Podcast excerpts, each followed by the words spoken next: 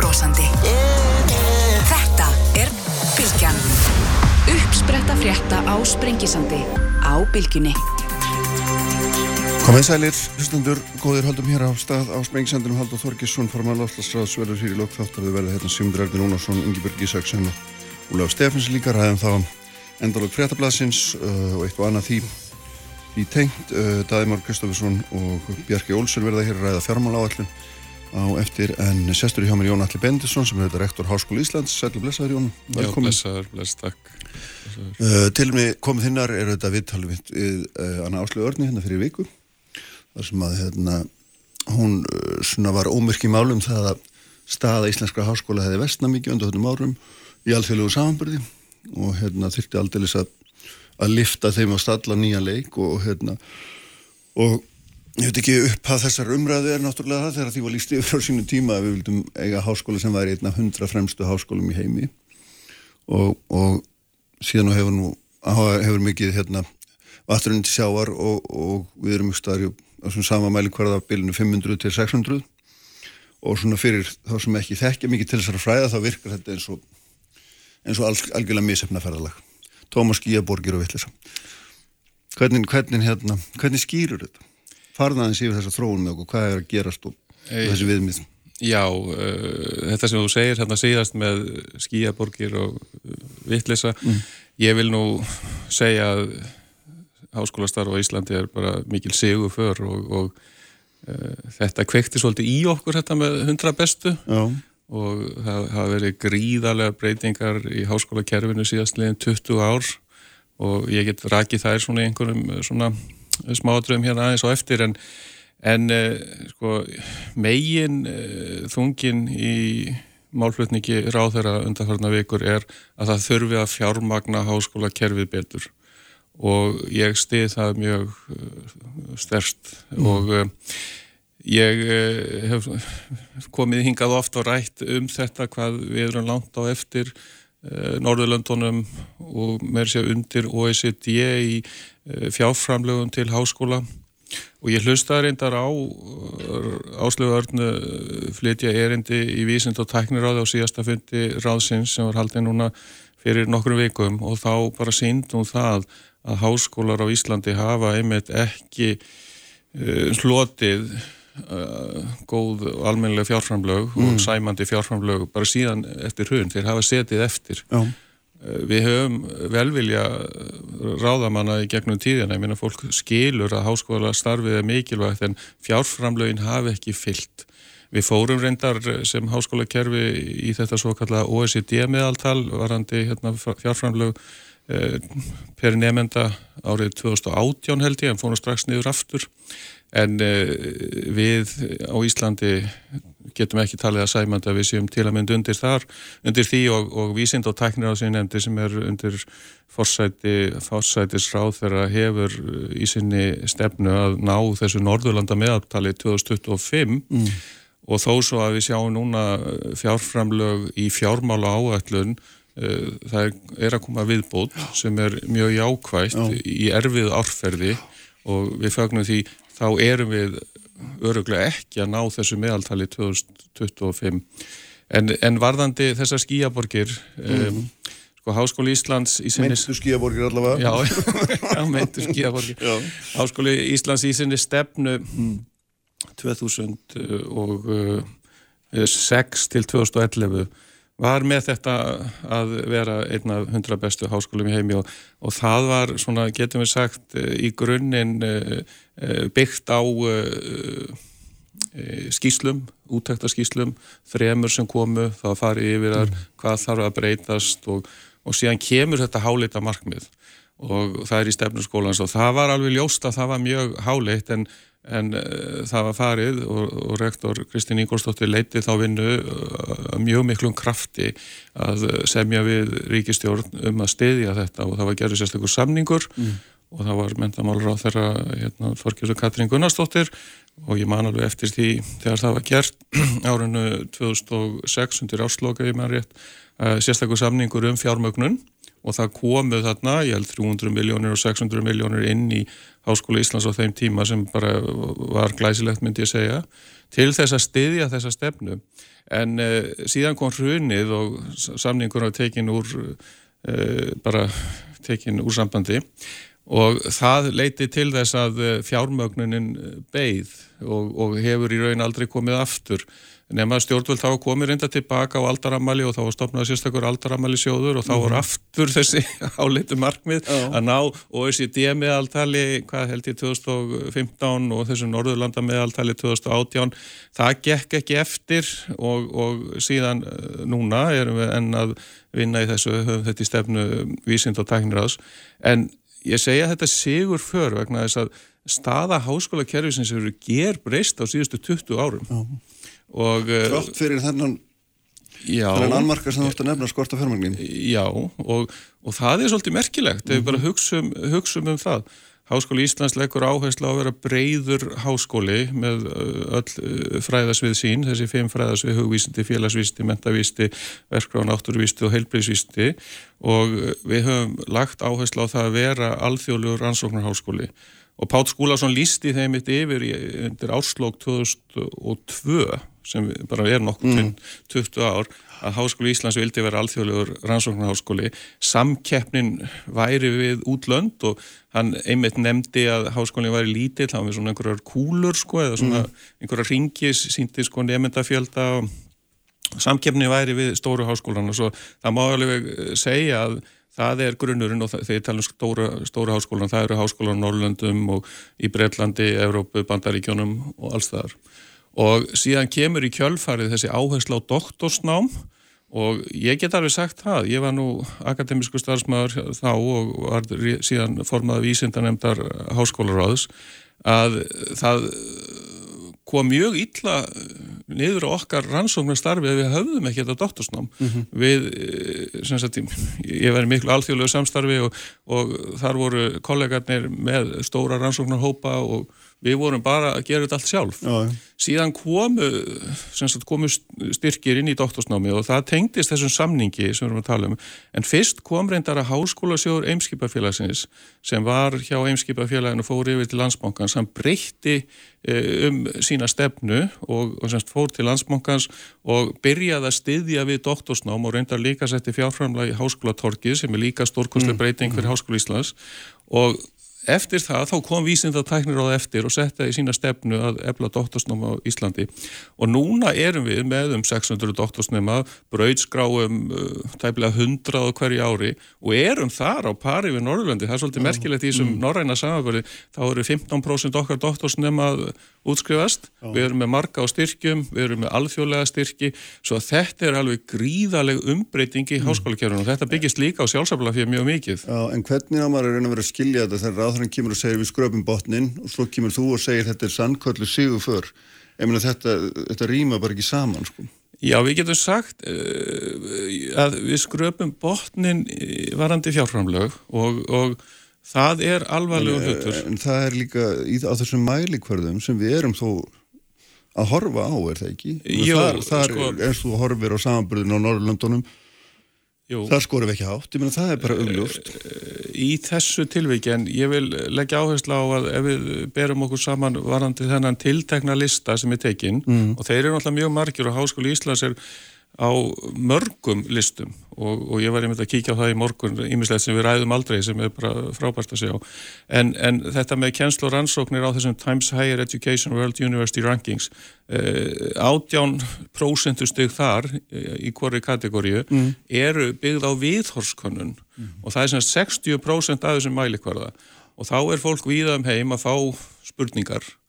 Og, eh, og það er eitthvað 10.000 sem svara og þá er spurst eh, hver er besti kjenslu háskólinn í þinni grein, hver er besti rannsóknar háskólinn í þinni grein og ég er í ramarsverkræði mm. uh, já já og svo hérna ég geti nefnt einhvern ég má, má ekki nefna Háskóli Íslands uh, og ég hef fengið svona lista en ég hættur að svara vegna, vegna sem ég finnst þessi aðferðafræði svo, svo Hvernig getur þú líka dæmt um það sjálfur? Já þá, þá er það helst bara hverjir eru mínir samstarfsaðilar ah. eða ég geti sagt MIT eða Stanford eða eitthvað svo leið sko. svo ef þú ert í Oregon Það getur bara allir sagt að þið eru frægastir, eða ekki? Jú, það, það er það sko, það er sagt, er bías í kerfinu sko, mm. bías í þessu, svo, svo að Háskóli Íslands í 30. öðru seti, jú, jú, það er ekkert glæsilegt, en ef 60% staðis er þessi viðhórskonun, þá, þá finnst mér bara svolítið merkilegt eh, hvernig, hvernig þetta... Ég meina, akkur í dauðanum erum við þá yfirhauð að nota þetta sem einhvers konar viðmið á gæði háskólastarfs ef þetta er byggt á svona sérkynlegum hérna fórsendum Já, sko, á stórum hluta, ég, áttu, þá,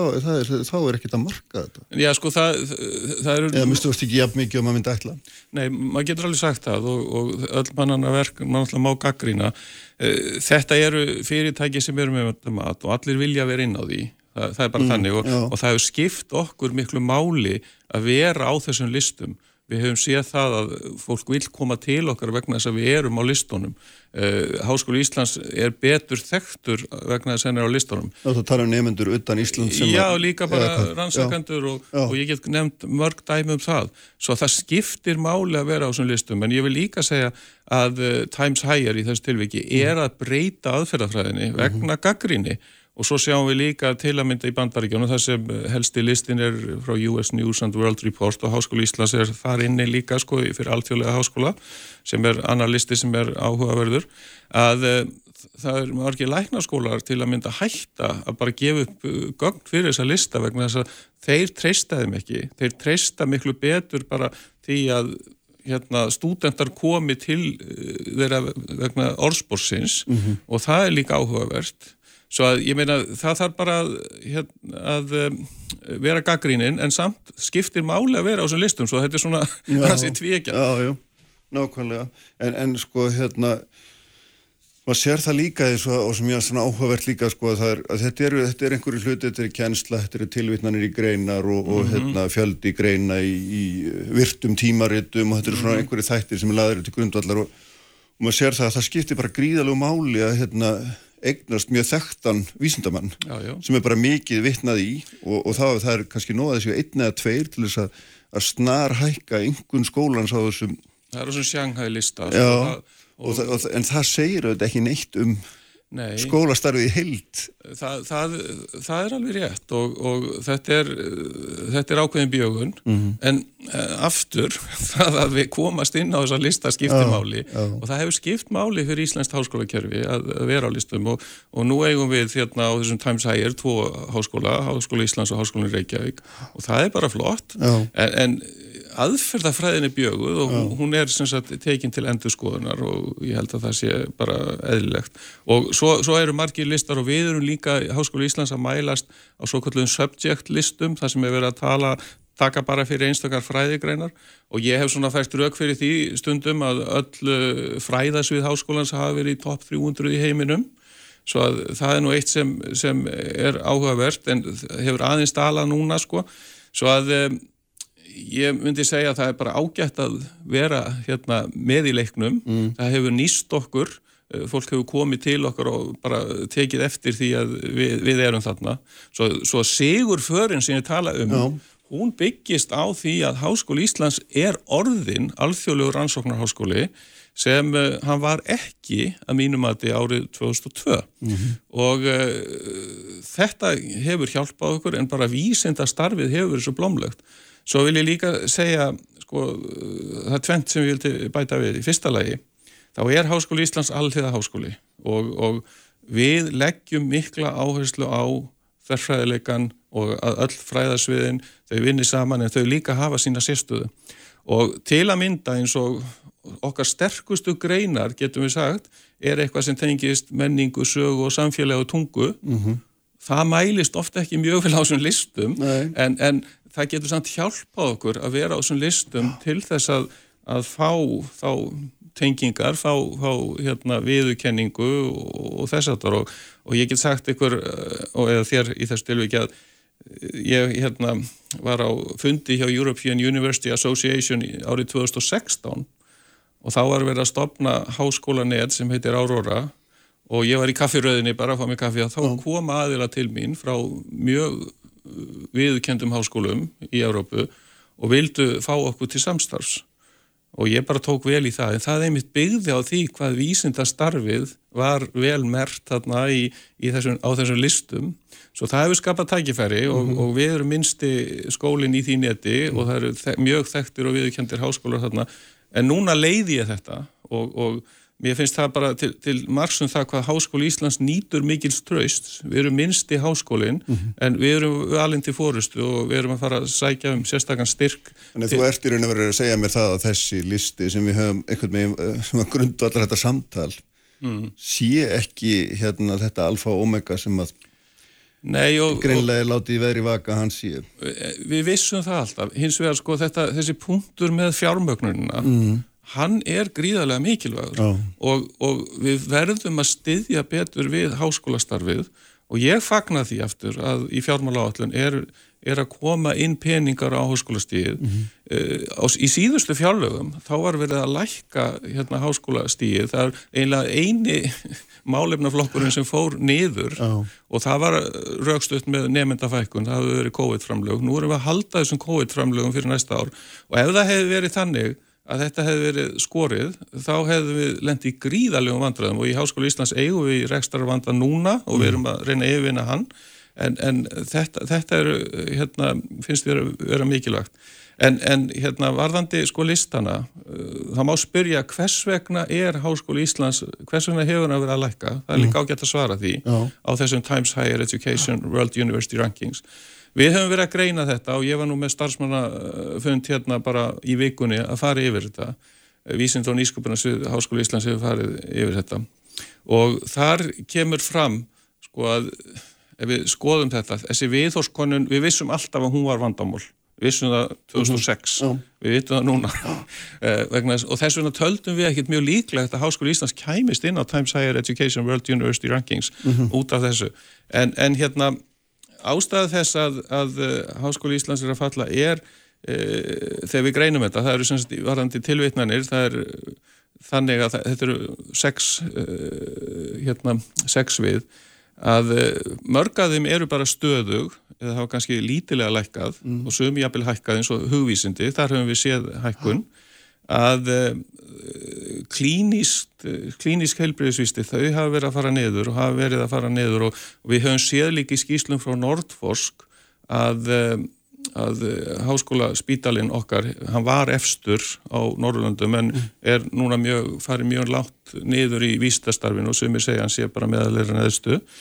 Eh, þar hefur verið að lækka verulega á undanförnum árum. Ég held að eh, tilvitnuna Eh, tilvinnarnas eh, hérna einhverjinn hafi verið eitthvað 48 og hún er komin í 26 eða eitthvað þessar mm -hmm. og þetta er vegna þess að við erum með marga sameigilega star, starfsmenn og við hefum séð að það er gríðalegt álag á spítalanum og það hefur þýtt það að fólk hefur ekki getað synd vísindastarfin eins og hægt er. Þannig að prófessornir sem eru læknar ja, í leðinni þeir eru hérna búin að leggja prófessors skildurna til hlýðar vegna það er svo mikið að gera í vinnunum ég myndi ekki, það... myndi ekki segja það en við sjáum bara álægið er gríðalegt og það Já. hefur áhrif á hversu mikið þetta, þetta hafa mitt margir læknar sagt en verið einhvern veginn landið tilbaka Já, en þetta, þetta kemur þarna fram sko, og ég hef oft sagt að landsbítalinn er stærsta kjenslustofa Háskólu Íslands og við þurfum að ebla þetta starf líka. Vísindastarfi mm. skipti verulegu máli þarna En hvað hérna, sko það er svo margt í þessu vitali sem er hérna og náttúrulega áhugavert að ræða við þeim, sko eitt af því sem að hérna fór mjög í taugarnar á hugvísindamönnunum í mm -hmm. Háskóli Íslands og er, er áherslar á þeirra hans á, á það að háskólinn eigi að hérna huga betur að því hverja þarfir hins svo kalla aðunlífs eru. Já. Og það er hérna við sem að menta og að fátt fólk í raunvísindum, uh, þessum tæknigreinum sem að hérna eru, eru líkillin eða framþróun í, í hérna öllum þeim tekníkeinum sem eru líklegast til vakstar í atvinnulífi mm. þegar maður sá þetta fyrir gríðali töðarnar á, á hugvinstamannum sem að hérna finnst síðan hlutur eða eru óttasta greinlega að það veri tekið af þeim Já, og ég vil leggja áherslu á að, að uh, Háskóli Íslands er allhiða háskóli mm. og hann er sjálfstæður og, og við leggjum mikla áherslu á öll okkar fræðasvið og hugvísindin eru mjög mikilvæg og ég, ég þarf ekki að hérna fara neitt mikið ofan í það og hugvistinn þeim hefur verið skamtað frekar lítið myndi ég að segja sko mm -hmm. reikniflokkur hefur verið mjög lár og við höfum þurft að hækka hann innbyrðist, það þarf að hækka hann eh, til þess, það er verið að tala um nýtt reikni líkan Já. og hugvistinn eru gríðarlega mikilvæg og, og við munum standa vörðum þau eh, sko þessi áhersla, nú, nú höfum við tvent, fyrsta lagi þá er, er komin svona það komið ákall um það þurfi, þurfi flera fólk sem útskrifast úr heilbreyðsvístum og ég meina, við þekkjum þá umræðu og hún er mikilvæg, við, við viljum mæta því ákalli samfélagsins svo er líka verið, núna kom einhver uh, spá um sérfræðinga. Það þarf fleiri háskólamentaða mm. það er fleiri inn í atvinnulífið. 9.000 manns að hugverkarsviða næstu 5 árum, Já. segja samtöku innaðarins Já, Já, og ég meina, það, það, sko Háskóli Íslands er ekki fílabeinsturn. Við hlustum á samfélagið, mm -hmm. við höfum okkar stefnu og sko grunnurinn að þessum með hundra bestu, hvernig, það er spurningin hvernig þjónum við íslensku samfélagi sem best? Mm -hmm.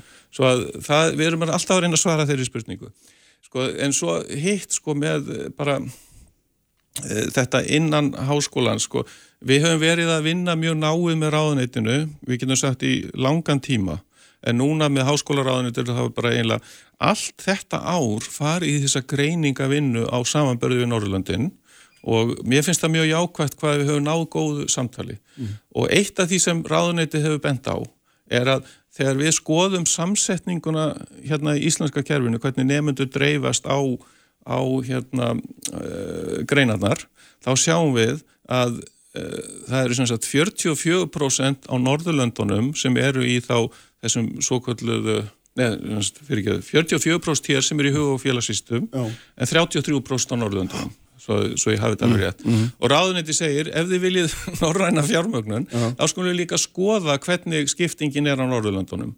Og mér finnst það bara allt í lagi líka að skoða það. Mm -hmm. Að við þurfum að menta fleiri þá í hérna, þessum greinum, stem, stím greinum uh -huh. í samanbyrðu Norrlundin.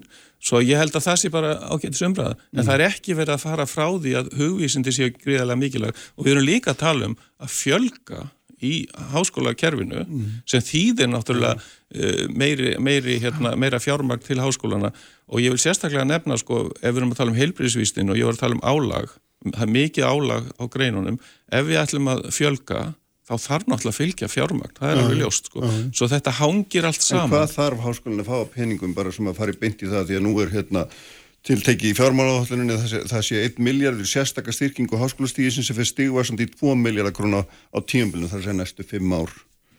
Sko, há... Er þetta dróp í hafið? Uh, sko þetta er þetta er skref. Skref, já, og, og, hérna. já en fólk kallar þetta varnarsigur sko í ráðunitinu uh, sko við þurfum sko bara ef, ef við förum í gegnum þetta. Mm -hmm. hvers vegna þurfum við fjármagn vegna þess að við erum að hérna, kenna fleiri nefnundum per starfsmann heldur á Norrlöndunum og við erum að sjá það í mörgum greinum að við þurfum fleira starfsfólk til þess að byggja undir háskólastarfið. Mm -hmm. Það er gríðarlega mikið álag og ég er ekki bara að tala um heilbríðsgreinar yfir allt og ef við til dæmis tölum um tungumálinn, bara sérstaklega sem eru mjög mikilvæg hjá okkur, þá er hérna er mikið álag á kennarna þeir þurfa að kenna mjög mörg námskið bara til þess að við getum klárað þetta. Og við mm. lítum á það að við séum þjóðskóli við erum þjóðskóli og við viljum sinna hérna landinu vel. Og þess vegna þurfum við líka að hafa starfsfólki þannig að það getur ráði við þetta. Og ef við bara skoðum þetta sagt, eh, fleira starfsfólk þá þýðir það þarf meiri peninga og náttúrulega þurfum betri umgjörð þá er sko Norðurlanda meðaltalið í fjárframlegu með dýrustu skólanir eru teknir út það er 4,2 miljónir á virka nefnda í Háskólu Íslands erum við tæmlega 10.000 virka nefndur hér erum við með 2,9 miljónir á hvern nefnda mm -hmm. svo munurinn er, er 1,3 miljónir uh -huh. og þú bara sér hvers konar tölur við erum að tala um uh -huh. ef við ætlum að ná þessu Norðurlanda meðaltali -huh. og, og við, við, sem að er yfirlýst markmið á hálfu hálfu vísind og tæknir ást, það er það sem við vinnum eftir Já. og við höfum vunnið mjög goða greiningu með þá stráðuneytin uh, í þessu og þetta er það sem við þurfum að gera. Og ég vil segja eitt og mér höfst Lili Alfredsdóttir, hún gerði þetta mjög vel sem menta og menningamálar á þeirra hún var með þessa möndru mm. ein evra eða ein króna inn í háskólakerfið þýðir áttfald, átta eurur eða átta krónur út í samfélagið mm -hmm. svo að þetta skilar sér markvaldir til hérna baka til samfélagsins, stuðningurinn og við sjáum það og eitt af þessu sem er sigur för uh, sem ég vil tala um mm -hmm. í háskólakerfisum þessum árum eru til að mynda vísundagarðarnir nú er gróska komin og við sjáum sagt, hagnýtinguna í hérna, kerfinu sem er að koma nýsköpunar hugsunin, hún er miklu sterkar en áður svo að ég meina það er svo margt að gerast í mm. háskólakerfinu, svo margt í ákvæð og við þurfum að styðja það betur. Mm. En þú ert að, að segja það að hugvísinda fólki þarf ekki að hafa ágjör af því að, að það, að það halli á það sérstaklega út af hérna, einhverjum svona aðdunlýfs áherslum. Ég líti á þetta sem viðbót og, mm. og hugvísindin í Háskólu Íslands er gríðarlega mikilvæg og, og við þurfum eh, breyðan háskóla, mm. breiðan þjóðarháskóla sem hefur hérna e, hefur allar þessa greinar og er sambarilegur við háskólan í Kaupmannhöfn, háskólan í Stokkólmi, háskólan í Helsinki og, e, og hérna háskólan í Oslo og við hefum líka að skoða Bergen, einhver mm. svona, einhver svona mótel sem eru miklu betur fjármagnari við vegna þess að þetta skiptir Ísland svo miklu máli mm. og þar eru hug og félagsvísindi og mentavísti mjög mikilvæg og ég vil líka hérna inn í þessa mynd sem ég er að tala um sko varðandi e, hérna e, sigurförina líka saminningin við kennaraháskólan, hún skiptir máli. Mm. og nú til dæmis höfum við séð bara tökum það hvað kennaranámið og mentavístin eru mikilvægi umræðinni og er til dæmis verið að tala um þetta með stem áherslur eitthvað þessar, þá þurfum við náttúrulega hugað umhverfinu, þá þurfum við að huga því hvernig uh, nefnendunir eru mentaðir og mér finnst mentavíslasviðið hafa staðið sér einstaklega vel í því að taka þátt í þeirri umræðu og, mm -hmm. og, og hérna vinna með bæði þá uh, ríki og sveitafélagum. En ég er ekki alltaf margir háskólar á Íslandi? Þessu hérna öðru samfélagi, við erum með, hvað erum við með, sjö háskóla? Við erum með sjö háskóla, þeir eru mjög mismunandi Já, og, og sko háskóla Íslands er með tvo þriðja kerfinu sko Það má alveg taka þá umræðu og, og ég hef séð, ég meina það er, kemur hann inn í fjármála áallun þetta með hérna saminningar og, og, og þess áttar mm. og við erum alltaf bara ofinn fyrir því að ræða það. Mm. Það sem við viljum leggja áhersleir á er bara gott kerfi og mm -hmm. að við skilum miklu til Íslands samfélags. Það getur maður líka alltaf spurt bara móti, er ekki, hérna, er ekki líka ávinningur af sérhæfingum? Er það ekki þannig að þarna Jú, jú. Margir háskólar í heiminum sem eru mjög öflugir eru mjög sérhæðir, þeir eru á fröngusviði.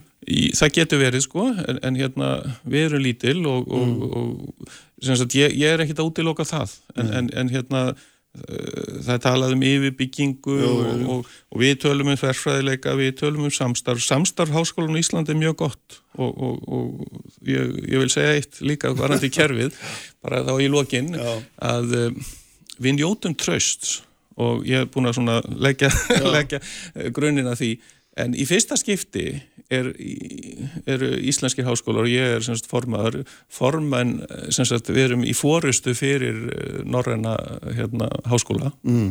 og það hefur aldrei gæst áður mm. svo að við sjáum það þegar leggja hérna, rökin fyrir þessari sigu fyrir íslenska háskólakerfis er að það er ekki bara innanlandsheldur líka utan, mm. það er okkur er treyst bæði þá í í því að stýra hérna, saminuðum uh, háskólum á Norrlöndum ekki bara akademist heldur líki stjórnsýslu þar eru við. Já, Þannig að þarna allt sem vandrar eru nokkur öðrar í vasan Já, ég held sko það þurfi bara að vinna því að mm. efla háskólakerfi en, en sko ég vil segja líka til nefnda og foreldra, aðstæðenda háskólakerfi á Íslandi er gott það er gríðalegur hugur í fólki og ég hvet fólk til þess að sækjum að koma í háskóla Ljómandi, Jónalli, takk fyrir að koma Takk hérlega fyrir mig og hérna, þau verða hérna hjá mig Daði Mór Kristófursson og uh, Bjarki Olsen eftir ögnablik Sprengisandur á bylgjunni maður hefur nú spurt á þingi um það hvar við erum vill skera niður, gott að þetta er að segja bara upp fólki og hvar þá.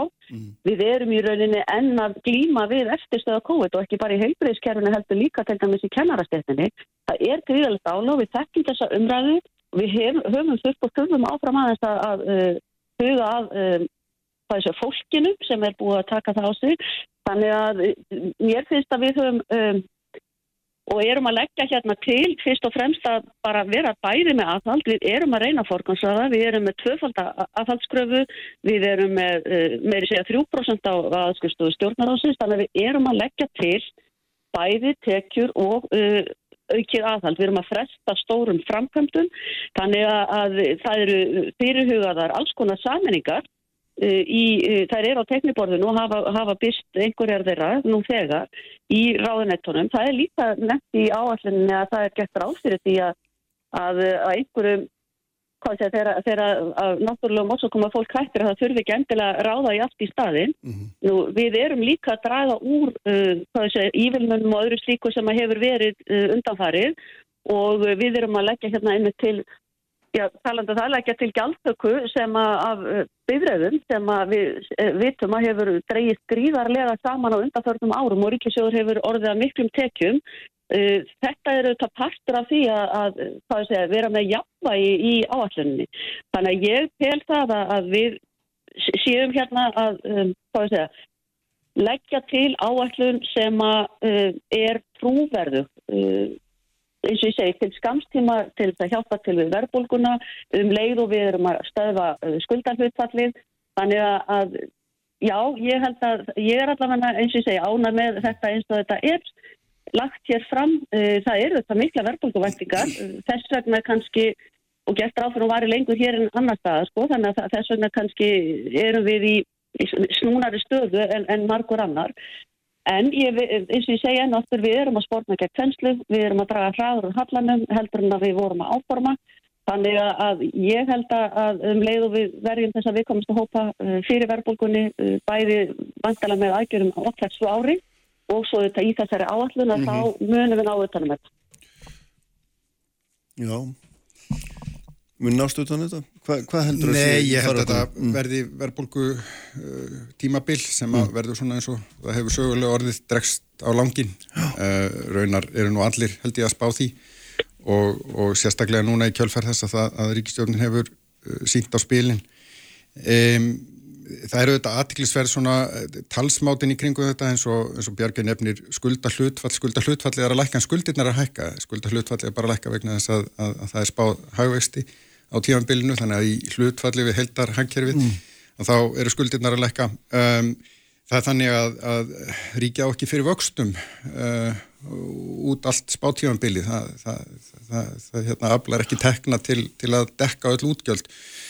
Um, og, og þegar að ég ljósta það er umfram eftirspilni í hangkerfinu þá, þá auðvitað er þetta ekki, ekki innleg sem að skiptir neinu, neinu máli skiptir ekki sköpum Mm -hmm. Þannig að uh, þetta leggst þá að, að meiri þunga á Sælabankan, uh, þetta verkefni að, að, að ná tökum á verðbórfum að hérna, hækka vexti sem það reynar því sem hann hefur en, en það er auðvitað mjög dýrt og, og við sjáum alls konar gríðarlega neikvæð áhrif af því, bæði á ákveðna hópa í samfélaginu en líka til lengri tíma Eh, menn takk eftir því til dæmis núna og hjónu eftir því að ég gær sæði Sigur Ringi að, að hérna, byggingamarkaðurinn væri komin í frost sem er auðvitað þá, það er verið að spila upp fyrir næstu krísu á mm. íslensku fastegnamarkaði þegar að, að hægist um hvena sem það svo verður e, við þurfum að hugsa til lengri tíma kostnaðurinn af sveiplónum er of mikil og, og, og þegar að Sælabankustjóri kallar eftir þjóðasátt sem er umverulega að óska eftir aðstóð í mm -hmm. verkefninu sem mann er að fást við þá held ég að við ættum að hlusta og, og, og það sem við sjáum að er stóra vandamálið okkar er að ægin í ríkisfjármálum á Íslandi hefur alltaf verið oflítill. Við þurfum skýrar í ramma uh, þannig að við getum betur tryggt og með trúverðum hætti að mm -hmm. hér verði stöðuleiki til lengri tíma. Mm -hmm. Þetta er okkur mjög dýrt Um, ég tók saman uh, breytingar á þjóðaframlegsla mann, við getum sagt hagvöxta mann, sem er umverulega eina sem skiptir máli hagvöxtur í, í samfélagi þar sem að fólki er stöðut að fjölga er ekki alveg nákvæm mælikvarðið á hvernig uh, hérna ástandið er frá 2017 að þá erum við neðst meðal allra þeirra ríkja sem við byrjum okkur sama við. Allra ríkja í Evrópu, allra ríkja í Norður Ameríku, allra ríkja í Eiálfu Uh, árangurinn er ekki góður og, og, og við, við stöndum verð heldur að ríki sem eru með ennþá stærri ferðarþjónustu heldur en við sem er uh, mjög sveiplukent, mm -hmm. atvinnugrein og fóruð þetta mjög illa út úr COVID. Um, þetta er ekki gott, þetta bóðar ekki gott fyrir framtíðina Við sjáum líka í uh, þessari skýslu sem að uh, fjármála áallin er uh, að framlegin þróun á Íslandi hefur verið með mjög neikvæð, neikvæðum hætti og, og framlegin þróun þýður auðvitað það að það er einhvers konar takmörk á því hvað hægvestu getur verið. Við getum auðvitað haldið áfram að flytja inn vinnuafl til þess að mm. við halda hægvesti en þá er þjóðartekjur á mann sem er umverulega það sem skiptur okkur máli, það er bara verið að þinna það út mm. og, og, og þetta er ekki gott hvers konar framtíða sín höfum við um hvað atvinnu vegi við ætlum að styðja þetta til lengri tíma? Þú varst með hann Jón Alla hérna já, já. Eh, rétt á þann eh, viljum við að þetta sé þekkingareiðnaður sem eh, eða, eða hérna, atvinnugreinar sem geta borga hálaun byggja á öflugum íslensku mannöði eða viljum við að þetta séu atvinnugreinar sem fyrst og fremst eru þjón, þjónusta sem að, sem að raunverulega mun þýða lægri hagvust á Íslandi til lengri tíma ekkert í þessari fjármála áallin tekur afstöðu til neitna þessum stóru spurningum. Mm -hmm.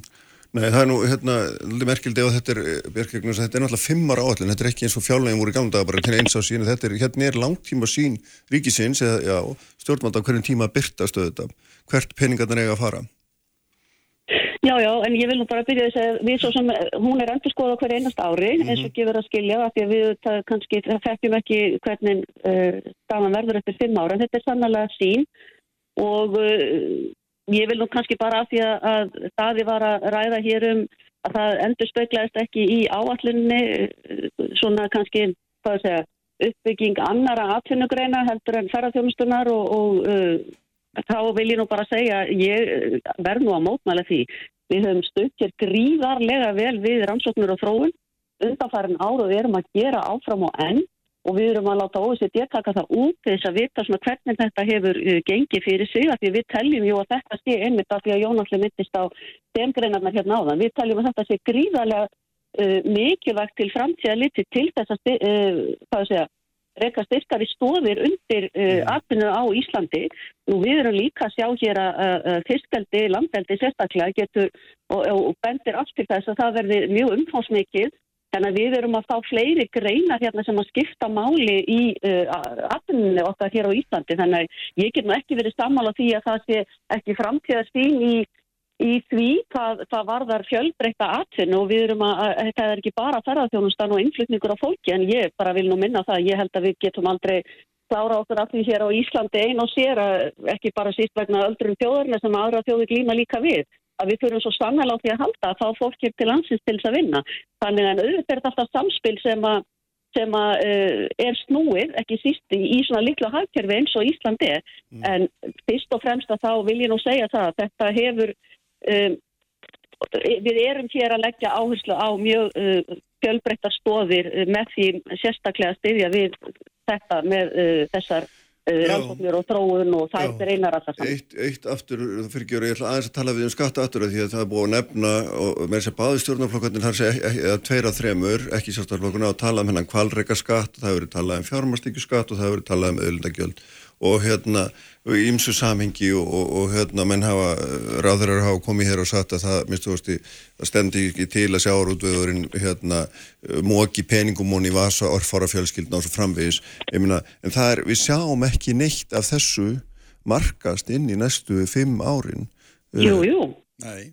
Ég er ósamála því. Ég meina Öflugna tala alveg sínu máli í skýstunum það, það er ekki gert ráð fyrir neinum tekjum Hva, við þekkjum hva, Hvaða skattar eru þetta ef það skap ekki tekjur? Við þekkjum það að þegar að, að eh, núna er í gangi þessi stóra vinna sem að daðimára er hluti af hjá matfælaráðara að þar undir eru meðal annars og það kemur fram hér í þessari áallun og ætlunum er að hækka veðugjöld. Já, það er ekki gert ráð fyrir neinu tekjum af veðugjöldum. Það er vegna þess að vinnan er ekki búin daðimár og það veistu, og mm -hmm. það setja hans í þessari nefnd en það breytir því ekki að það er ætlunin Og við þekkjum það líka að það er, í, við erum búin að færa það næri tíma þannig að það er gert ráð fyrir því að það takki uh, verði hærri veðugjöld 25. Það er verið að gera hér ráð fyrir 10,2 miljardin í fyrstjaldisgjald á tímabellinu. Það er verið að gera ráð fyrir uh, umhverfisgjaldi, það er verið að leggja til að taka upp gistunarskattin og aftur okkur framvegis. Þannig að ég er nú bara ósamála því að það sé ekki gert ráð fyrir hér tekjum. Við erum að taka upp varafljóðagjald sem hefur verið mjög umdeilt. Mm -hmm. Ég veru það bara ósamála um það og það er alveg þannig þetta stendur svart og hvítu í skýslunni Nei, já, það, ég, það sem ég var að segja stendur já. í fjármála áslunni við erum að tala um, uh, svo erum við auðvitað líka að... Uh, Við erum að tala annars vegar um áallanir en hins vegar erum við að tala um konkrétt tölur. Er. Konkrétt tölurnar bend ekki til þess Nei, það verður sótt að neina tekjur í, í þennan máluflokk og, og ég verða að viðkenna sko ef, þú segir við ætlum að gera eitthvað en gerir ráð fyrir í, í öllum töflum og öllum áallunum að, að árangurinn að þið verði engin hverjar eru þá væntingar þínar um hverju að verða að lofa og, og er hjá nú að, að veiðgjöld hafa þróast í sko hina áttina þegar hafa frekar verið að lækka sem hlutfall af, af, af, þessu. í, í fiskveðum Já, ég er bara hvetið til þess að, að uh, lesa betur yfir áallunna. Það er líka til dæmis, uh, hérna er verið að draga úr ívinnum á, á bíla, það er verið að lækka endurgreislu uh, á framkvæmdum sem að eiga nú bara að skila 3 miljórum á þessu ára og líklega 6 á því næsta og svo framvist. Þannig að það eru ýmstar tekjur sem að hér eru lagðar til. Já. Þannig að það er ekki rétt að halda þessu fram að það sé ekki verið að leggja til tekjur. Og ástæðan fyrir því sem að ég ítrekka aftur og Daði veit, varðandi veiðigjöldin sérstaklega, að þá er það auðvitað vegna þess að þessi vinna er í skoðun ennþá og það væri óeðlilegt fyrirfram áður en henni líkur að setja nákvæmar tölur þar á borð. Það væri ekki skynsamlegt í öllu falli bara, að það væri ekki nema það. Já, við þurfum að hérna, ljúka Bjarki bara einspurningi lokin tíðin hérna, ertu vissum að þetta, þessi fjármála áallun sé sá stuðningu sem Sælabankastjóri hérna, þarf á að halda? Já, hann allavega tók uh, það upp í þinni ræðu á ásfundunum að þetta styrti við það, uh, þær áallanir sem að Sælabankin væri með undir og að sjálfsögðu ef að uh, horfir ver þegar að líða þeirra ári og við fyrir að nálgast uh, fjárlega gerðina sjálfa uh, sem að verður í, í september að þá auðvitað þurfum við bara að endur skoða málinn í svona ástandi sem að nú er ríkjandi þá bara auðvitað er það allra vilji að draga úr verðbólgu og lækana sem allra hraðast. Það er sama spurning. Tíu sek. Nei, alls ekki Nei. uh, og, og, og ég er svona frekar nexlaður á því að, að uh, það skulle ekki vera meiri skilabóð í þessu sérstaklega til skamstíma og alveg sérstaklega nexlaður á því að það lá- lá alveg fyrir síðastliðu haust að það þurfti að gera miklu meira menn völdu að gera ekki neitt Ljómandi, hvað séru? Þetta er, þetta er bara mikil einföldun á lífin en aftilagi, gott og vel. gott og vel. Takk Bjarki fyrir að vera með okkur eins og alltaf. Takk fyrir að koma það og ég ætla að fjalla hér aðeins um, um fjölmjölinu eftir Sigmundur Ernir, Ólaf Stefánsson og Ingi Björg Ísaksen verða hérna hjá mér. Kraftmikil umræða, a- alla sunnudasmórna, sprengisandur á bylgjunni. Kraftmikil umræða, a- alla sunnudasmórna, sprengisandur á bylgjunni.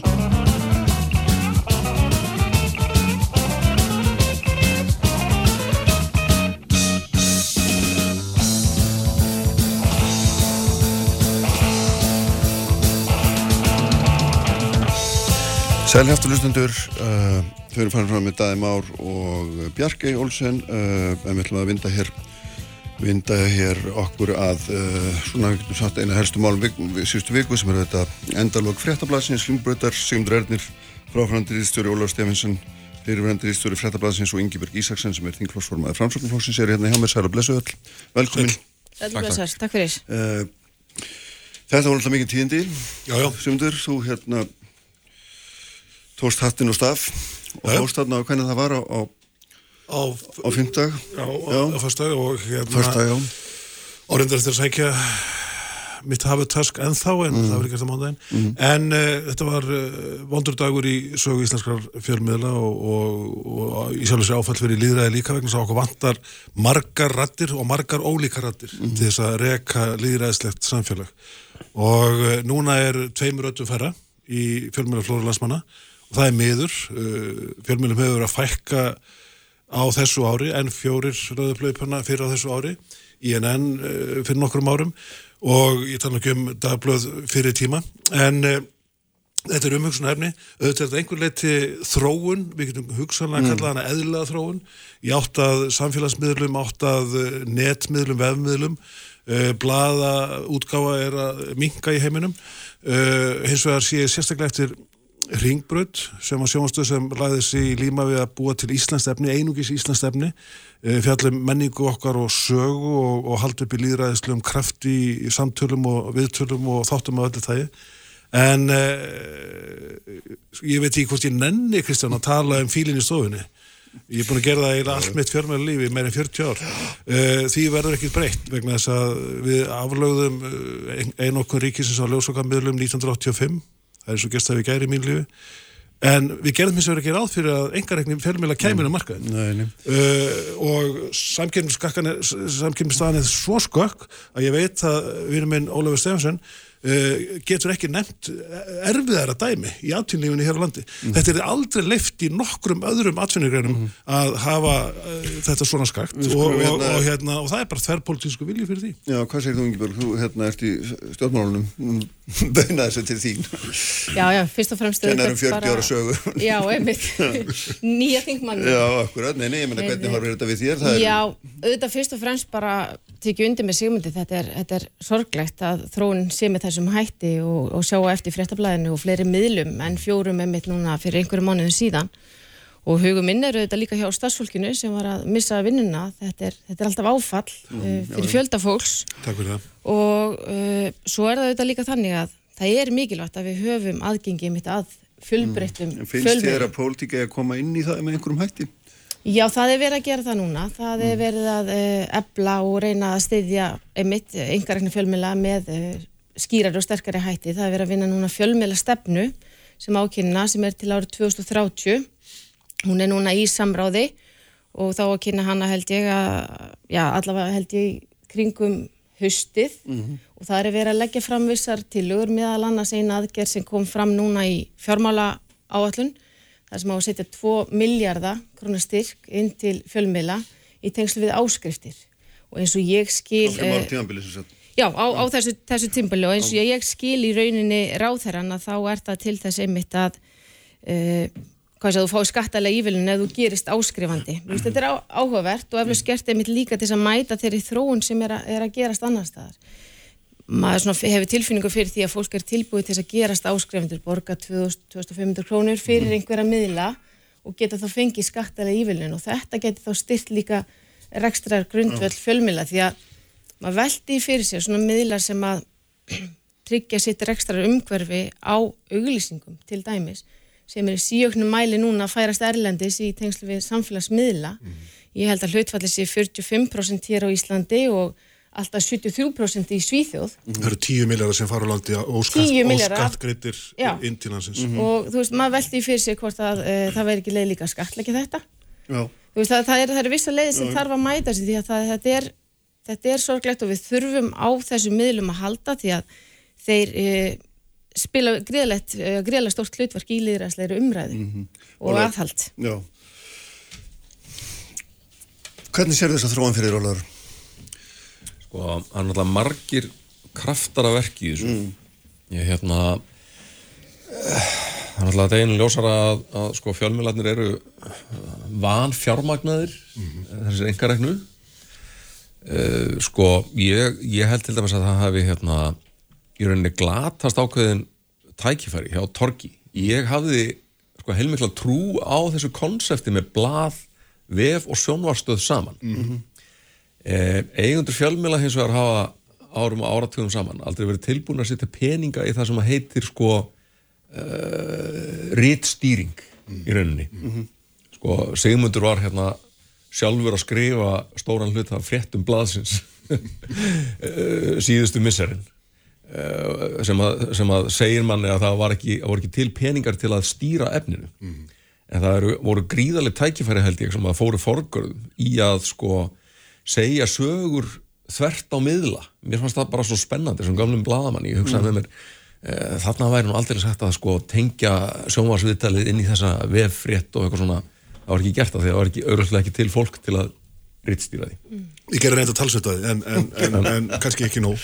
En, en hvað er það, sko, já, menna, rekstranumhverfið er erfitt og sko, rekstran mótel engar ekki að fjölmjöla er rauninni bara búið að vera tímt síðustu 20-25 ári.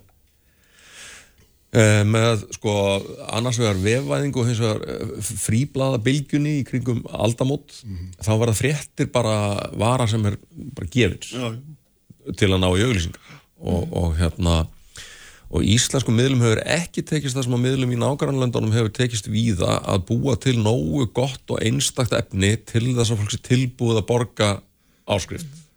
Þar sé að við sjáum hvernig áskrifandahópur morgunblasins hefur skroppið saman og, og elst ég veit ekki hvernig gengur hjá, hjá heimildinni það er áhugavert konsept Það eru, það er líka verið að gera svona tilrönn með þetta hér eh, með, með, með innherja á vísi og, og hérna, þetta vefur víkur frétta komin í áskrift og svona, það verður spennandi að sjá hvernig það gengur. En, en, en til þess að það sé hægt að gera þá verður efnið að vera nógu gott.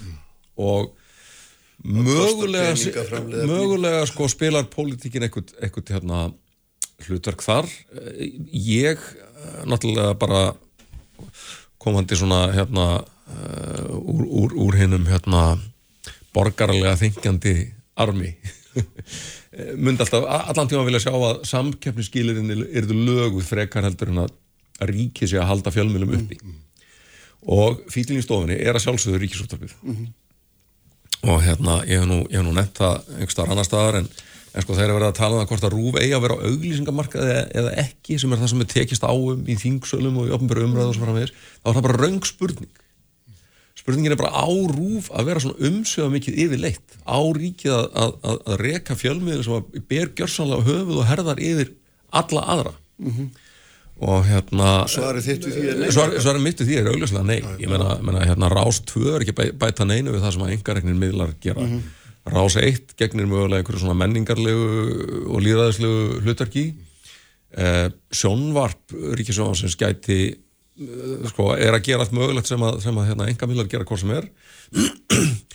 Og hérna e, sko það sem að nýtur kannski mestra vinsælda og sogar að sér auglýsingafið hjá Rúf eins og Eurovision eða, eða hérna, stórmót í íþróttum og svo framvegis það er ekkert sem segir að ríkið þurfið að halda utan um útsendingar á því, það er bara hægt að koma því einhvern veginn öðruvísi fyrir. Svo, og svo, næsta- Hvað finnst þér á, að- á að hérna er það á að, að takmarka umsjöður ríkisúðarsins?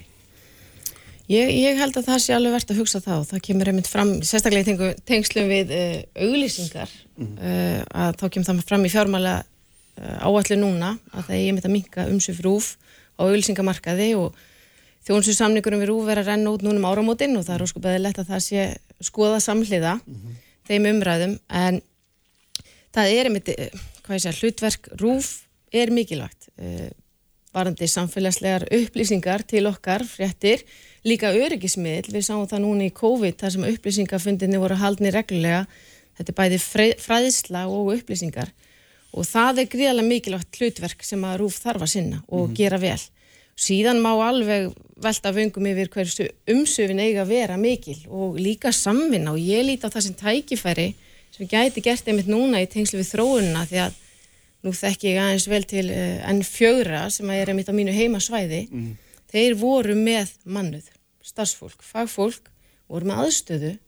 Það hefði klálega verið hægt að auka samvinnu þarna á milli nýta aðstöðu og mannskap meira og eflaust á fleiri stöðum á landinu.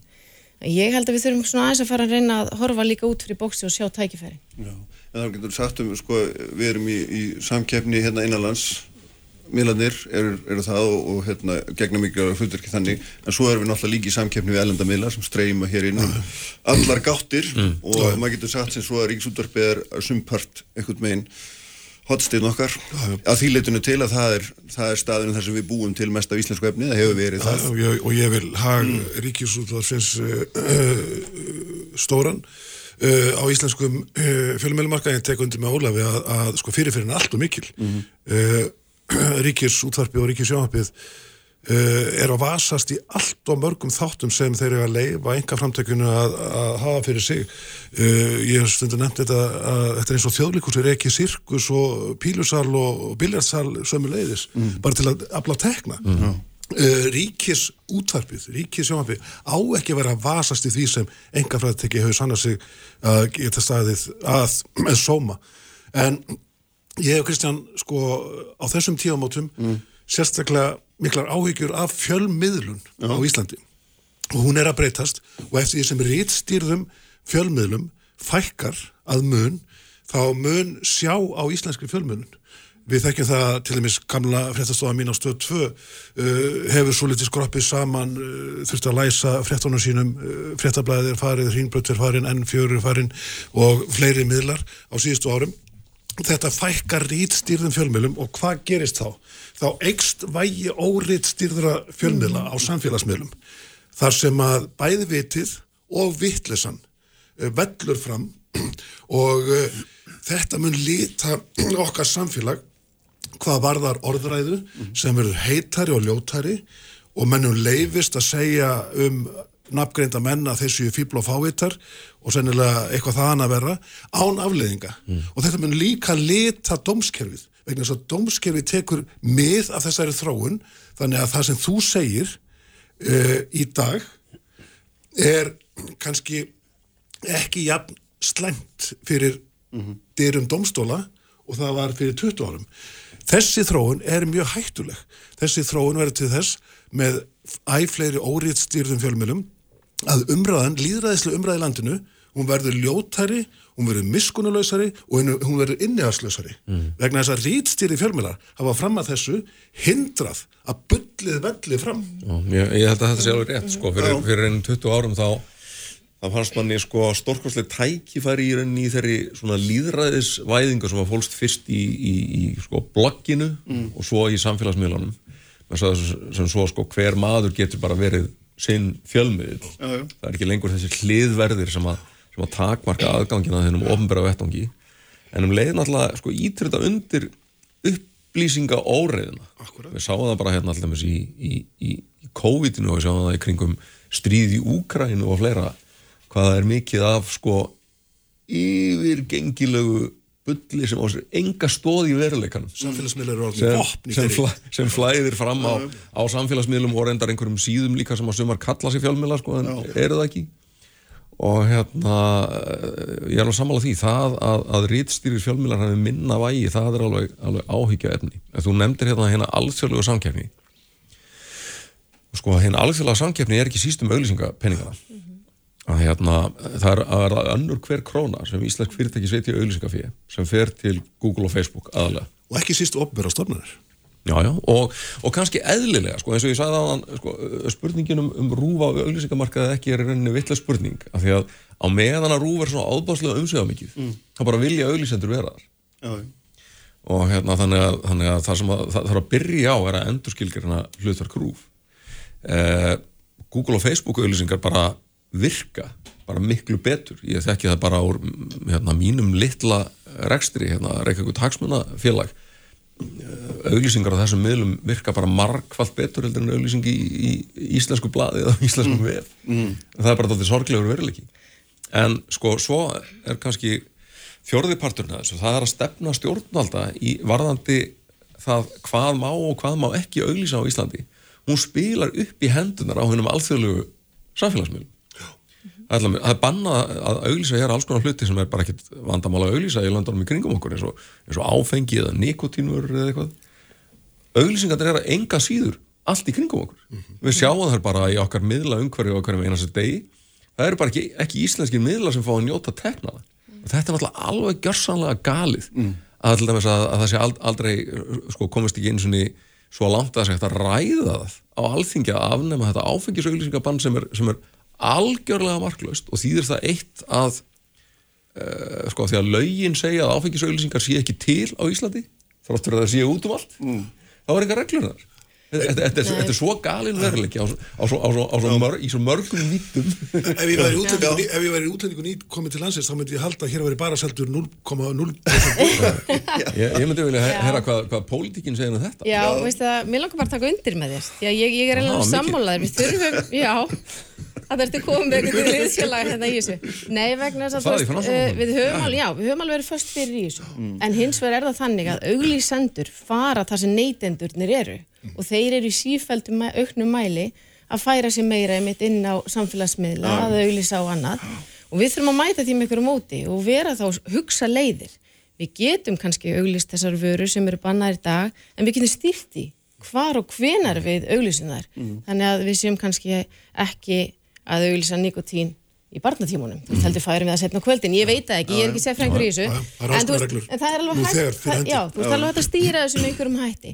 Og í raunin er það líka þannig að veist, þetta er vaksandi vandamála því það var komið hérna inn á reitstýrða fjölmiðla sem eru gríðarlega mikilvægir. Þeir veita okkur aðhald, hvort sem erum í pólitík, við erum í stofnunum eða, eða annars staðar í atvinnrekstri og þeir eru mikilvægir. Og við þurfum að finna leiðir til þess að þeir í rauninni hafi sangjant rekstrar umhverfi og finna leiðir til þess. Við sjáum það bara ef við horfum til bandaríkjana á síðastlega 15 árum þá hafa 2200 staðamiðlar lagt upp laupan. Þú þú veist, þetta er ekki bara á Ísland Nei, nei, þetta, þetta er er um víða, allt, þetta er sko. víðsveitur út um allt og við þurfum, það er í rauninni bara það er óhjákvæmilegt er að fylgja um, þessari svona, þróun. um eðl eða hvers konar framhald verður á þessu, ég meina verður þessi rittstýru miðlar yfir höfu til eða verður þetta allt saman bara í hérna uh, út um allt í dreifðu meiningum og svo sjáum við náttúrulega líka að þeir sem eiga peninga getur þetta fjármagnað sína eigin miðla og gert það auðvöld og gera þetta svo víða sko.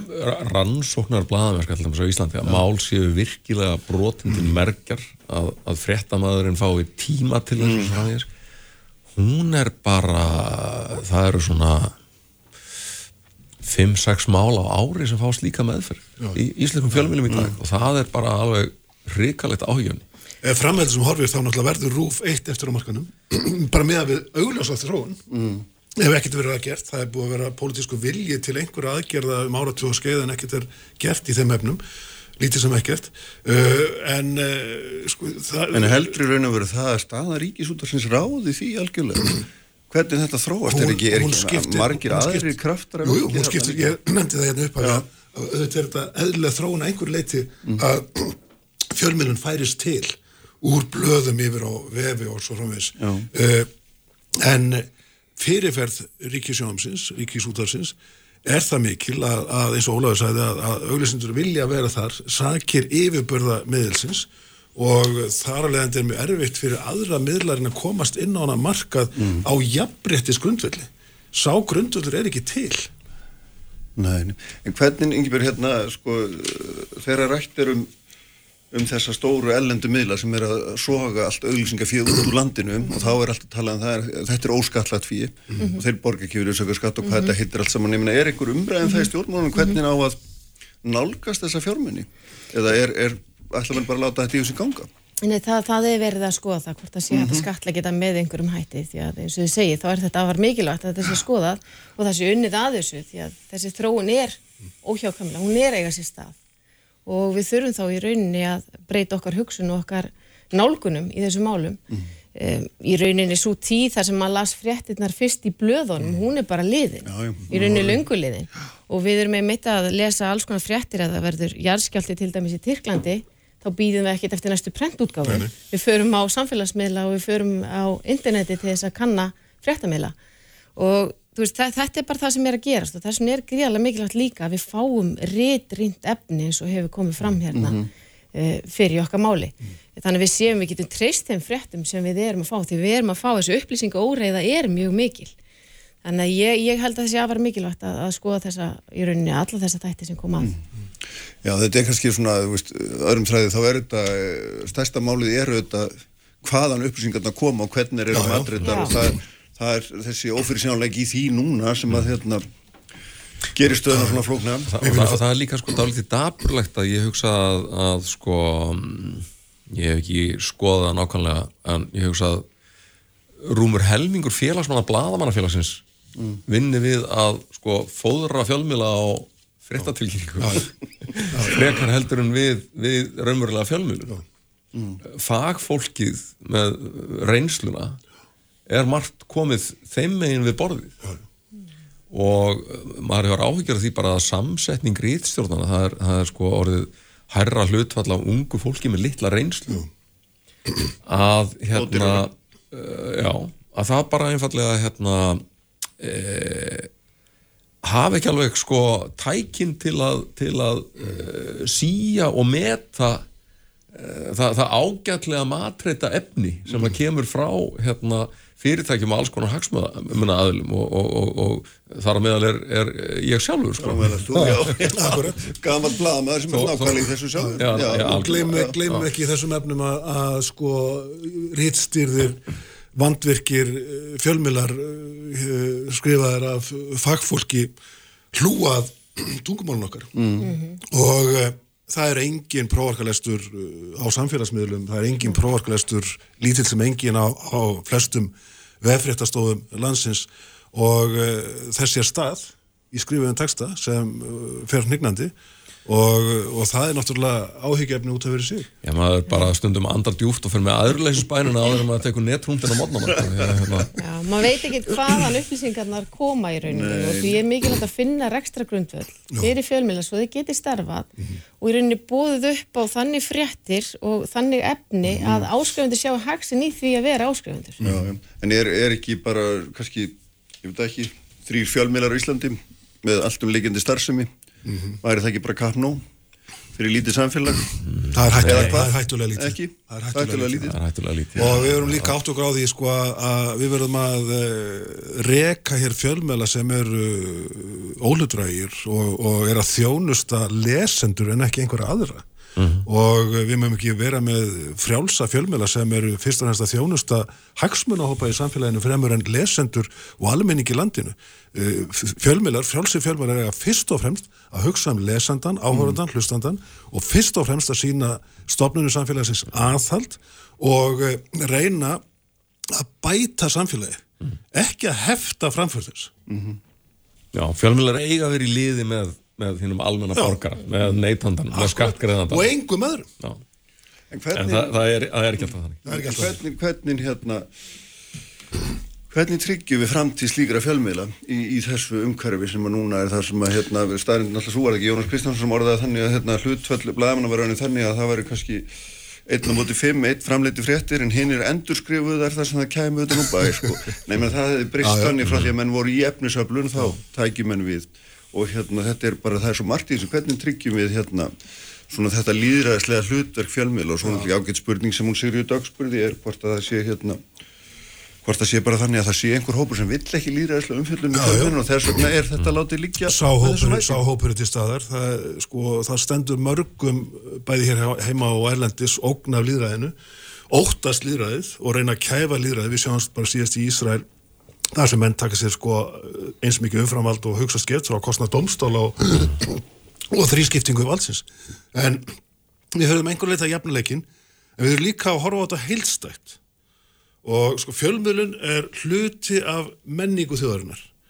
Þar á meðal er líka bókaútgáfa leikhús, síningarhald tungumólu okkar. Við verðum að horfa á þetta heilstætt að því leiti að við viljum ekki að þessar stóðir uh, vissni vegna þess að þá missum við menningalegt sjálfstæði í landinu og það er mjög hættulegt fyrir okkur því að við förum að horfa á þessar stóðir uh, sem svo veikar að við höfum ekki lengur áhuga á þeim. Það mun breyta ásýnd íslensk samfélags til mikill að muna og uh, gera það að uh, svona áhugaverðu samfélagi. Þetta er allt í húfi vegna þess að þetta hangir allt saman. Menningin hangir öll saman á sínu sviði. Og þegar einstóðin byrjar að visna þá getur önnur gert það. Við sjáum að, að bókaútgáfa á nú þegar erfitt uppdráttur í landinu. Uh, við sjáum að leikhúsin hef ekki ennþá náð nema 80% af þeim áhörandafjölda sem við vorum með fyrir faraldurinn. Uh, við horfum á þetta helstætt þá erum við að sjá að íslensk menning á erfiðar uppdáttar en áður. Og það er mynd sem er ekki glæsilega af íslensku þjóð. Nákvæmlega. Er þetta ekki hérna? Öðru leiti bara öðru leiti finnst mér vorið En það var bara góður. Nei, þetta, þetta er einu þróunin hefur verið gríðalega hröð. Já, og það er alveg augljóst ef við horfum með mitt á stóru myndin að fjölmjöla rekstur, rekstur hefur ekki alveg náð að fylgja með. Þú veist, bara allstaðar. Nei, nei. Og þá er svona spurningin nefnd að staldra við, skoða hvað hefur misfarist á leiðinni og hvernig við getum bætta því að eins og Sigmundur segir, það er gríðarlega mikilvægt við höldum í okkar tungumál og við eh, náum að flytja fréttir í tengslu við menningu, listir, íþróttir og í rauninni erum við stundum svolítið sjálfhverf, við viljum líka fá fréttir úr okkar nær umhverfi. Já, já. Það er alveg þannig. Það er þannig og þú veist, við þurfum að stöðla því að við fáum líka óhlutdragar, vandaðar fréttir til okkar. Já, já. Nákvæmlega, ef við ekki að hérna setja aðmenn á eitt refnum heldur betur sjáum til hvort að hérna Já, já, Eyjólfur kannar þessast Egilur þessast og landir í sig og allt það Bestu þakkir öll trú fyrir að koma og Takk. hérna Haldur Þorgesson er hérna hjá mér eftir augnablík Sprengisandur. Alla sunnudaga á bylgjunni. Fréttir, fróðleikur og frábær tónlist. Bylgjan. Sprengisandur á Bylgjunni alla sunnundasmórna. Sælir afturlustundur, þau eru farin frá með Sigmundur Ernir, Ólaf Stefansson og Ingeberg Ísaksen. Og við ræðum hér um svona stöðu fjölmiðlunar eftir þessi tíundi vikunar af hérna endalókum fréttablasins Ringbröndar uh, en ég ætla að hérna uh, snúa mér öðru því sestur hjá mér Haldur Þorgesson sem er auðvitað formaður Lofslagsrás uh, Sælir blessaður og velkomin sko hérna uh, núna bara rétt um 20. mars þá kom út þessi nýja skísla milliríkja nefndarinnar um loslasbreytingar saminuðu þjóðana og hérna og eins og alltaf þá nota með sterk orð og ég tók nættir að hérna Guterres uh, alrítari saminuðu þjóðana talaði um sko síðustu, þetta er síðasta viðvörunni það er hérna og, og mér finnst eitthvað með einn svona síðustu kannski 2-3 árum þá svona hálfsvarsfresti eitthvað svolítið kemur einhver einhver mikilsverð, kemur, kemur fram eitthvað mikilsverð gagn og þá segja mér að þetta er bara núrslokki hvað er, er, hvað er við að sjá hérna? Mér langar næst að fá því svona til þess að greina það með mér. Já, sko eins og alltaf þá er náttúrulega samhingið aðalatrið og, um, og þetta er uh, hluti af uh, samtali sem er búin að vera í gangi í, þrjá áratví og um, það uh, þessi til þess að bara svona fá svona skilja svolítið sko Já. hvað það er í gangi að þá er vísindarágjöf í lofstafsmálum besta tekta vístarágjöfun í heiminum. Það er, það er betri vístarágjöf þegar kemur lofstafsmálum heldur en heilbreyðismálum. Mm -hmm. Þannig að, og, en það sem er svo mikilvægt líka er átt að segja á því sko hver er að taka við þessu, uh, þessari niðurstöðu og þó að þessi loka niðurstöða hafi líki núna fyrir þá er þetta samantekt mm. á samantekt, á samantekt, á samantekt. Mm -hmm. uh, og þetta er sem að það er verið að, maður getur hugsað þetta er svona, svona píramíta sko. Það er búið að vera að vinna í sex ár allstaðar í heiminum. Uh, og þetta er gert uh, reglulega. Að átt okkur á því sko hvað, hvað vitum við, hvað er best vitað? Og það er svo mikilvægt átt að segja því að því að Guterres hefur náttúrulega bara einhverjar 20 sekundur þess að ná aðtiklöka sko. Um, að gera grein fyrir því að, að, að þó við heyrum mest að því að það er svo auðvelt að draga það fram, við mm. heyrum mest uh, af hættonum en það þurfa uh, þarf kannski að, að ná þeirri aðtikli en á sama tíma þá erum við að fá að vita svo miklu meira um hversu gjörsamlega gerlegt þetta er. Og, og en það sem að uh, er svo og það er kannski ástæðan fyrir því að það er nótur svona uh, uh, þessi yfirlýsinga þessi síðasta viðvörunin að næsta svona skýrsla hún kemur eftir sex ár. Mm -hmm. og, og það er það er svona þessi úslita tími. Og ég er ekki hvort að mamma, sko það var kallað hérna áðan eftir því að, að sjá hlutina hilstætt og það er ekkert alltaf svo auðvelt að hugsa í kerfum og samhengi svo uh, fór svona veltaði fyrir mér sko, uh, sko hvernig við getum svona náðu utan um þetta hvers vegna við þurfum að hugsa heilstætt Já. og hvers vegna til og meins jarðkerfið í allt við þurfum að hafa skilja hvernig það virkar bæði lífrikið og allt þetta. Ég held að besta samingið um uh, sambærlegt kerfi er er þú Kristján. Eða ég, líka mig já, já. Og við erum í kerfi sko, mm. Við erum með stóðkerfi, við erum með æðakerfi og alls konar og við erum fullt af kerfum sem við veitum ekkert af og við veitum ekkert af þeim fyrir þau hætta mm. að virka mm. og það e, er margi sem hafa líst þessu e, og ég hef ekki sjálfur betur fyrr e, upplifað þetta að þegar að þú heyrir í sírarunum og þú ert að fara í fyrsta skipti á bráða, bráðamóttökuna vegna þess að hjartað er bara í vandraðum að, að þjóna þér og þá bara á nokkrum sekundum þá fer gegnum þig allar viðvarandar sem þú hyrðir mm -hmm. en það sem að gerðist á leiðinu á, á bráðatiltina er að, að móttækileginn gjörsanlega breytist og það er aðal vandamálið. Vandamálið er, ef maður fyrir svo afrið yfir á nattvægt sko. uh, uh, vandamálið er ekki að það skorti þekkingu vandamálið er ekki að skorti tækni það er ekki, uh, lausnindar eru að allar. Mm en það vantar hennar mótækileika til þess að skilja alvöruna. Það er ekki bara samt sko hættunar alvörunar af því að það, það er ekkert sem mælir með að tefja að, að byrja ekki. Mm -hmm. og, og þetta eh, sko, en það sem ég að sé svo eh, ég mætti bara fara úr því að ræða um sko þess að viðvörun sko fara að gera eitthvað ég held að mætti alveg snúa þessu við því að við, þetta er í raun og veru keppni, samkeppni um uh, uh, hver stígur skrefi fyrst inn í framtíðina því þetta er svo spennandi framtíð mm -hmm. þannig að veist þetta við ætlum líka að fara að hugsa þannig sko undanúrslitin eru byrjuð Já.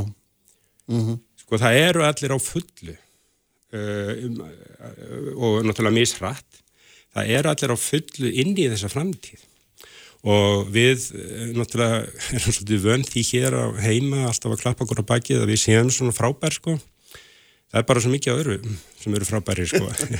Og sko það var sagt hérna eitt tíðan að í svona litlum þorpum það var nú ekkert gott að vera mjög lengi efnilegur. Hann er rosalega efnilega hún er rosalega efnilega sko en við þurfum núna að fara og, og svo aða líka að þegar maður kemist í snertingu við framtíðina þá og bara einhvern veginn hefur, hefur upplifana mm. þá vil maður ekki fara tilbaka og ég held að þessi kannski besta dæmið sé sko að við þurfum að horfa á orkuskiptin svolítið út frá okkur sem við erum fólk sko Já.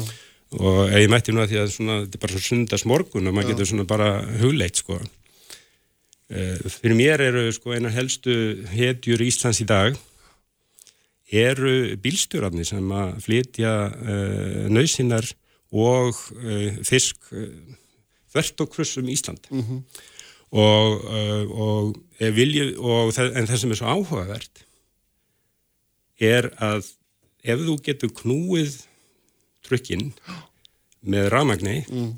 þá er vinnuungverfi bílstjónans gjörsamlega um, allt annað mm. Og þess vegna getur við ekki og það sem er svo mikilvægt í þessu þegar við gerum okkur grein fyrir því að við þurfum að fara yfir eitthvað annað já, já. að festast ekki í millilusnunum og því að það er náttúrulega eð, það er mannlegt eðli að, að halda í það sem þú þekkir sko. Jújú jú, þú veist að það er eitthvað annað að koma en þú vilt svona kannski halda í það gamla áður en nú áður en nú svona eh, sko þeirra að treysta hennu nýja uh, og kannski besta dæmi um svona millilaust eru blendingsbílar hybridbílar uh, kaupur þér ef þú kaupir stóran, flottan, þungan hérna, blendingsjeppa mm. þá er þetta eigða miklu meira heldur en ykkur sem er á litlum, ram, eh, litlum hérna, vennlum bíl oh. þannig að en sko leiðinni hinga til því mm.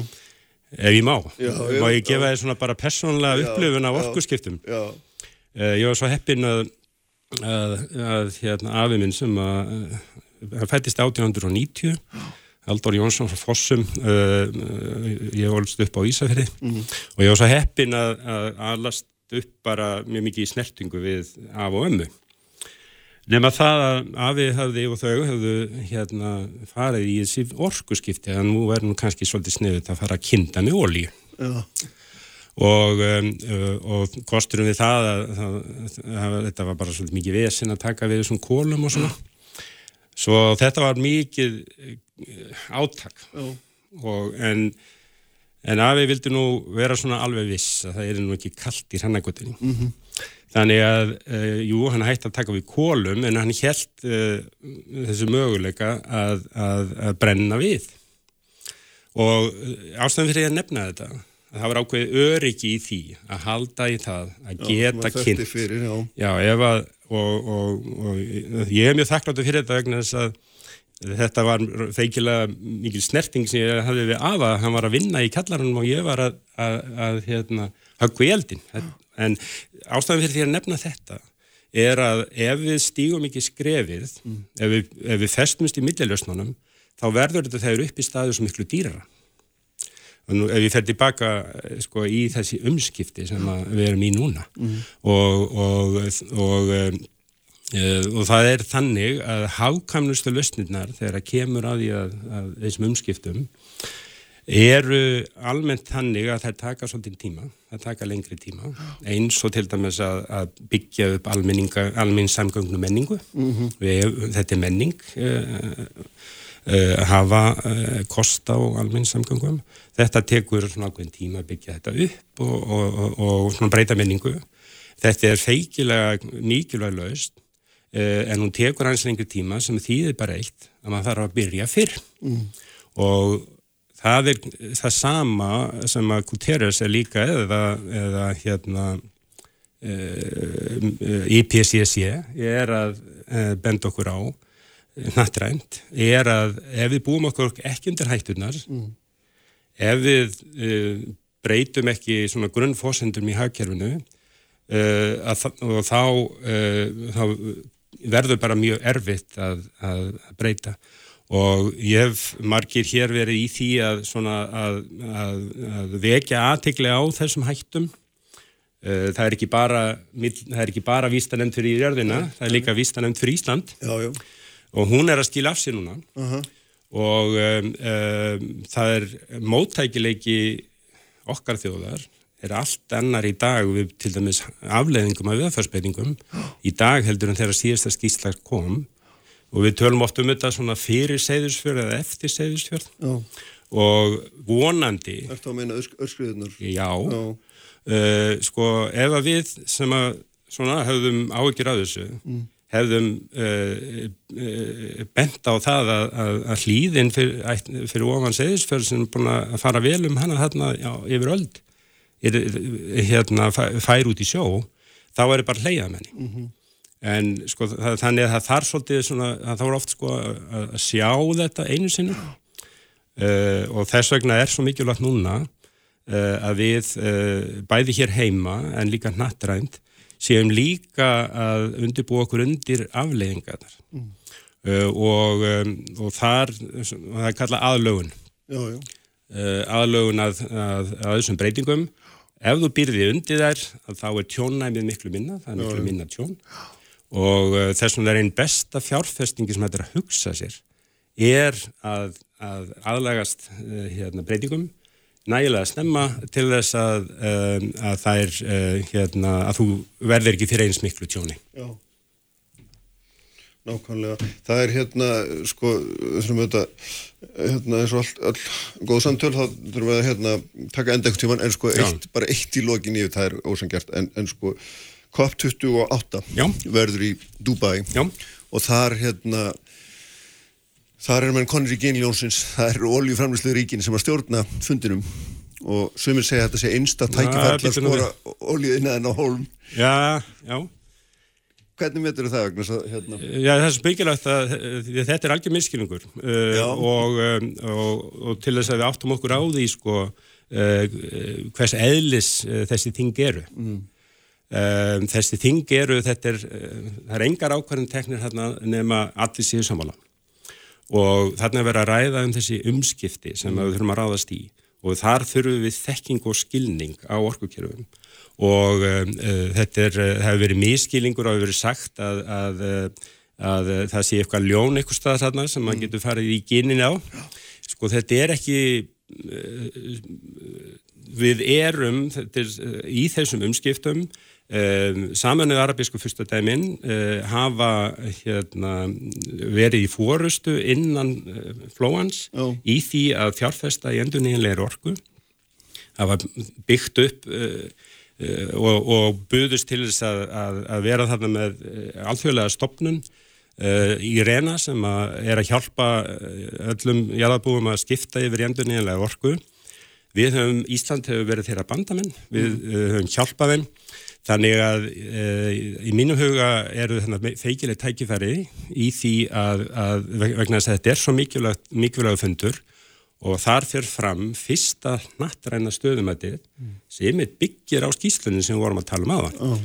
Og, og síðan á grundvöldu þess stöðumats að þá munu öll, allar þjóðir þurfa að koma með næsta framlag, hvað, hvað telja þessu geta farið hratt og þá þurfa það að hafa lausnirnar. Mm. Og þess vegna uh, eru þarna feikileg tækifæri uh, í, uh, á COP28 Ísland á að, á að, á að og það er mikill áhug hjá þeim að, að vinna með okkur og, og við þurfum að, vera þeim góði bandamenn.